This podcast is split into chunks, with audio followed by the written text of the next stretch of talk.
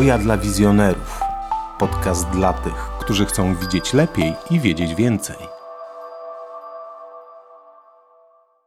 Dzień dobry drodzy Państwo, dzisiaj z nami dr Katarzyna Krysztofiak. Mówią na mnie doktor Kasia. W moim zakładzie optycznym, e, jak ktoś pyta o badanie, to pyta, czy doktor Kasia będzie. W takim razie doktorze Kasio, e, bezpośrednio po zakończeniu studiów optometrii w Poznaniu rozpoczęłaś doktorat z biofizyki. Pracowałaś też ze studentami. Czy dalej ze studentami prowadzisz jakieś zajęcia? Niestety już nie uczę. Trochę tęsknię za tą pracą. Bardzo lubiłam ze studentami pracować. Nie tylko dlatego, że czegoś ich uczyłam, ale też dlatego, że zadawali pytania i zadawali czasami trudne pytania, co mnie też zmuszało do zastanowienia się nad rzeczami, które robię zazwyczaj automatycznie. E, także to była fajna praca, była wynagradzająca, bywała trudna, ale jakby dużą satysfakcję dawała. Natomiast jakoś tak wyszło, że moje drogi się rozeszły z uczelnią.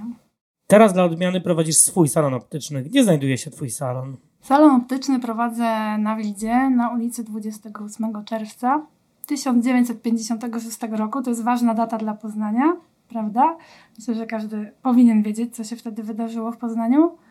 Fajne jest to miejsce pod tym względem, że jest to właśnie dzielnica była dotąd robotnicza, e, więc moi klienci czy pacjenci to też były osoby, które nierzadko całe życie spędziły w zakładach Cegielskiego, pracując ciężko różne ciekawe historie też mogły te osoby opowiedzieć. I nie zawsze były to osoby, które miały jakąś taką dużą świadomość związaną z widzeniem, z ochroną wzroku. Także tam też fajna praca była do wykonania. Teraz to już trochę inaczej wygląda, bo rzeczywiście ta klientela jest stała. I w tym miejscu, w którym ten zakład optyczny się mieści, pracuję od około 12 lat. W trakcie swoich studiów uczyłaś się również za granicą. Gdzie to dokładnie było i co tam robiłaś? Byłam na wymianie na Erasmusie w Niemczech, w Hanowerze. Ponieważ miałam mało czasu, żeby to załatwić, to e, wybrałam jedną z uczelni z listy, która miała podpisaną umowę z naszym wydziałem, z Wydziałem Fizyki w Poznaniu. I to był Leibniz Universitat Hannover. Natomiast tam nie było optometrii, także tam studiowałam na Wydziale Matematyki i Fizyki. Przedmioty oczywiście mogłam sobie wybrać, więc Częściowo zrealizowałam program studiów dla czwartego roku czy dla pierwszego roku optometrii, ale po powrocie musiałam w zasadzie cały program optometrii zrobić od początku, więc moje studia de facto się przedłużyły o rok. E, nie narzekam na to, raczej polecam. To było bardzo fajne doświadczenie. No i tam się uczyłam po niemiecku. Czy udało Ci się poczynić jakieś obserwacje odnośnie optometrii w Niemczech? Czy masz jakieś porównanie między optometrią w Niemczech a w Polsce? Ja się tam za bardzo samą optyką nie zajmowałam. Pracowałam dorywczo jako studentka, ale to była obsługa targów, także tam różne fajne rzeczy można było robić, jakby poza nauką.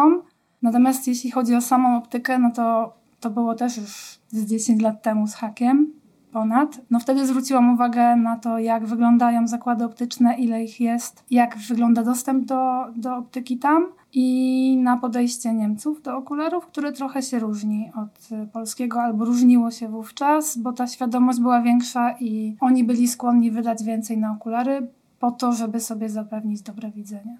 Wspomniałaś, że tęsknisz za pracą na uczelni. Za studentami. Za tak. pracą nie tęsknię, mam bardzo dużo. Ze studentami. To skąd decyzja, by rozstać się z uczelnią i rozpocząć pracę na swoim? Ja się generalnie chyba wypaliłam. Chyba byłam bardzo zmęczona, ponieważ robiąc doktorat pracowałam jednocześnie. Doktorat był związany z soczewkami kontaktowymi, z inżynierią materiałową i musiałam dużo pracy w to włożyć, żeby to dobrze wyglądało, żeby coś z tego wyszło, bo to było jakby poza zakresem optometrii, a też jednocześnie nie chciałam tracić kontaktu z optometrią. Natomiast praca z człowiekiem jednak jest trochę bardziej wynagradzająca niż praca z soczewką, na którą się świeci laserem na przykład, żeby coś zmierzyć, nie? E, chociaż praca w laboratorium też jest fajna, ma takie zalety, że raczej się można na tym skupić i nikt nie przeszkadza w momencie, kiedy coś robimy. Natomiast w salonie optycznym różne rzeczy się potrafią dziać czasami jednocześnie i trzeba to wszystko ogarniać. Ale chyba też lubię w optometrii to, że ktoś przychodzi z problemem, czegoś nie widzi i ja ten problem rozwiązuję. Ta osoba jest mi wdzięczna, w dodatku za to płaci. Jak oceniasz rozwój optometrii w Polsce? Jak to wyglądało z Twojej perspektywy, kiedy zaczynałaś naukę, kiedy wykładałaś? Jak wygląda to obecnie? Jak zaczynałam studia, to w zasadzie nie wiedziałam, czym jest optometria i no, optykę okularową wybrałam, bo mi się po prostu podobała nazwa studiów. W ogóle miałam zupełnie inne plany zawodowe. No i ta optometria wtedy raczkowała bo chyba w 2000 roku zaczynałam studia jakoś, to naprawdę było bardzo dawno. Dużo się zmieniło jeśli chodzi o samych optometrystów, to na pewno zmienił się dostęp do sprzętu, bo kiedyś foropter to była absolutna rzadkość. I oczywiście uczyliśmy się badań, procedur badania wzroku na foropterach, mieliśmy dostęp do sprzętu na uczelni. Teraz to w ogóle wygląda super. Z, w ciągu kilku ostatnich lat moja alma mater, inne uczelnie też się fajnie uzbroiły, że tak powiem, w naprawdę naprawdę fajne, nowoczesne sprzęty, nie tylko służące do badania refrakcji, ale też już takich bardziej zaawansowanych, powiedzmy, że pomiarów. Natomiast w gabinetach to tak nie wyglądało, a w tej chwili foropter to standard. No ale ja mam tą przewagę, że właśnie na przykład potrafię zbadać y, widzenie nawet obuoczne używając kasety okulistycznej, co mi się przydaje w różnych warunkach jak wiesz. I myślę, że to jakby się rozwija. Pojawiły się jakby nowe specjalności w optometrii. Jak ja kończyłam studia, to było się raczej optometrystą, a coraz więcej jest osób, które już w trakcie studiów decyduje się, że będzie się zajmować kontaktologią, terapiami widzenia, dobieraniem pomocy dla słabowidzących czy optometrią kliniczną. Z tego, co wspominałaś niedawno, ostatnio pracujesz w miejscu, w którym pracuje niewielu optometrystów. Pracujesz w klinice okulistycznej. Jak wygląda praca optometrysty w klinice? Pracuję w prywatnej klinice, co też ma znaczenie, bo nie każdy szpital będzie dobrze wyposażony. No jeśli chodzi o sprzęt, to tam jest po prostu bajka w szpitalu świętego Wojciecha w Poznaniu i też są wspaniali specjaliści i jakby my pracujemy w zespole. To znaczy często jakiś pacjent jest skierowany do mnie z konkretnym problemem czy celem wyznaczenia manifestu i dalszego jakby postępowania, obliczania wielkości soczewki. Czasami ja kieruję do okulisty. Także bardzo fajna jest to opcja, jeśli chodzi o współpracę okulistów z optometrystami. I to też to jest coś, czego wcześniej nie było. Jeśli, no, pamiętasz na pewno, jak też sam kończyły studia okuliści, to raczej byli nasi wrogowie, prawda? Także pod tym względem dużo się zmieniło i pod tym względem ta praca też jest bardzo ciekawa. No i oczywiście jest dużo trudniejszych przypadków niż tak typowo przychodzący pacjenci do salonu optycznego.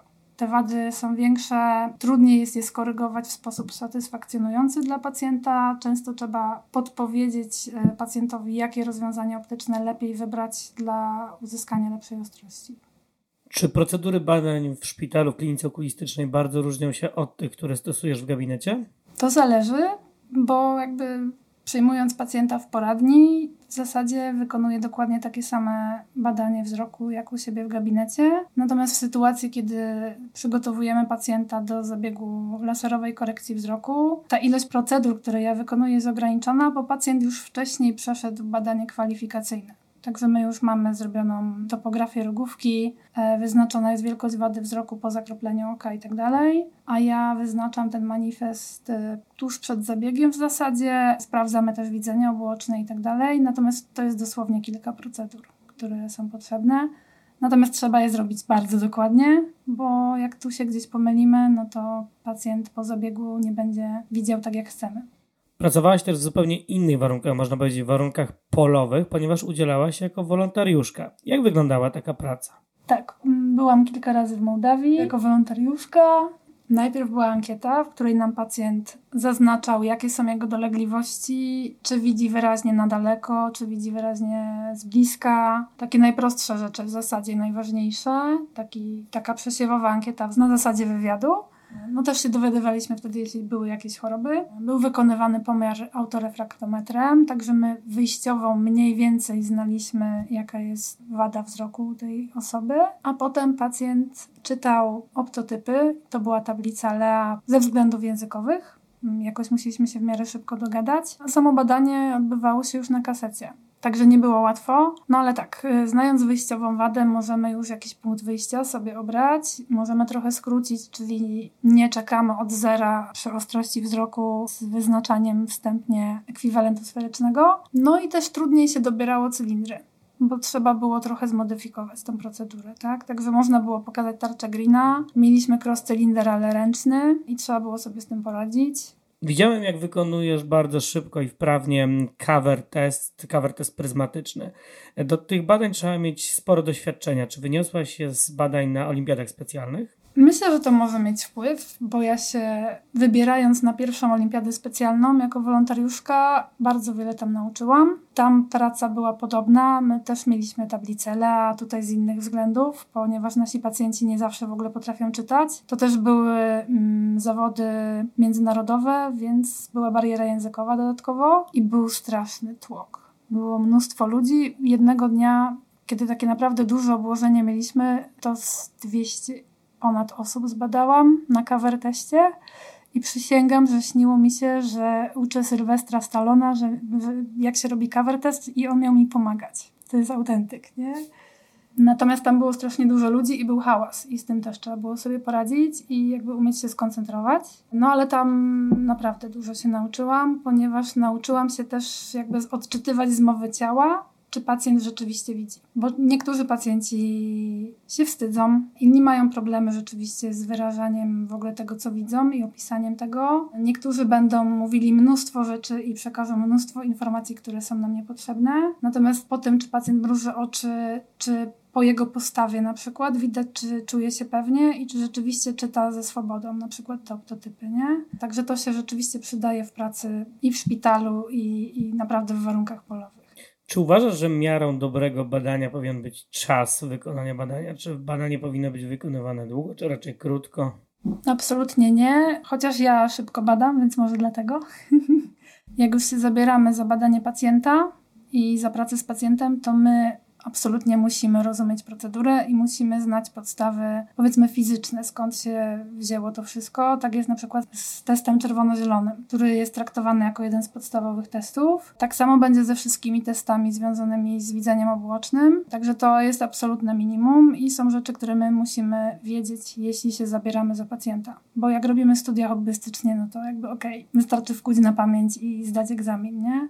Znając te podstawy fizyczne, my potrafimy też manipulować trochę tą procedurą w trakcie badania i jeśli coś nie do końca pasuje na przykład w gabinecie, to powinniśmy wiedzieć, jak to obejść, żeby mimo wszystko być w stanie zbadać dobrze pacjenta. Przedłużanie badania, powtarzanie procedur trochę świadczy, wydaje mi się, o tym, że my nie potrafimy podjąć decyzji. No nie, no ja uważam, że testów się nie powinno dublować, bo my w ten sposób tracimy nasz czas, czas naszego pacjenta, i męczymy pacjenta, bo jednak to jest jakiś wysiłek wzrokowy. Pacjent się koncentruje i bardzo chce odpowiadać prawidłowo na nasze pytania, przynajmniej zazwyczaj. No i uważam, że jeśli wykonaliśmy, nie wiem, sprawdziliśmy testem Schobera, czy jest fuzja, czy jest tłumienie, to nie musimy robić do tego testu Maddoxa i testu Orta, bo te trzy procedury w zasadzie badają to samo, a dla niektórych pacjentów, którzy rzeczywiście mają problem z widzeniem obłocznym, będzie to obciążające, bo to jest taki wysiłek, który gdzieś wywoła bóle głowy na przykład. W takim razie, czy uważasz, że warto zrezygnować z kasety okulistycznej, na przykład samo badanie przeprowadzić tylko na foropterze, żeby przyspieszyć czas badania? No ja jestem fanką na przykład cover testu, który wykonuje wykonywałam bardzo długo tylko z kasetą okulistyczną, bo nie miałam listwy pryzmatycznej, która mm, jakby bardzo ułatwia pomiar tutaj. Więc musiałam sobie radzić z pryzmatami z kasety, przytrzymywać je przy oku ręcznie we właściwy sposób i tak dalej. No ja uważam, że kaseta jest niezbędna. Zawsze po pomiarze na foropterze powinniśmy przymierzyć korekcję i na daleko i na blisko w tej kasecie i powinniśmy też umieć manipulować soczewkami przy tej kasecie, już pomijając ten cross-cylinder, nie? Zawsze musimy też sprawdzić tę korekcję, też, nie wiem, przykładając po prostu soczewkę do oprawy próbnej. Biegłość na kasecie okulistycznej daje jakby niesamowitą pewność przy użytkowaniu foroptera. No na foropterze oczywiście bada się troszeczkę szybciej, ale jak ktoś poświęci kilka dni na zabawę z kasetą okulistyczną, to naprawdę w pół godziny refrakcję zrobi z widzeniem obocznym, takim podstawowym. Gdybyś nie zajmowała się badaniami wzroku, czy to u siebie, czy w klinice, nie pracowała ze studentami, to jak potoczyłoby się twoje życie? Co byś teraz robiła? Powiem tak, jakbym będąc nastolatką nie skręciła nogi w kolanie poważnie, co się skończyło operacją, to pewnie nie poszłabym na Wydział Fizyki studiować optyki okularowej, tylko bym się wybrała gdzieś na AWF i chciałabym grać w siatkówkę. No. Ale to było dawno. Musiałam zmienić plany, więc... Y, no ale siatkówka jest też wokół. Taki żart, taki suchar. Mm, bardzo dziękujemy. Była z nami dr Katarzyna Krzysztofiak, czyli dr Kasio. Hoja dla wizjonerów. Podcast dla tych, którzy chcą widzieć lepiej i wiedzieć więcej.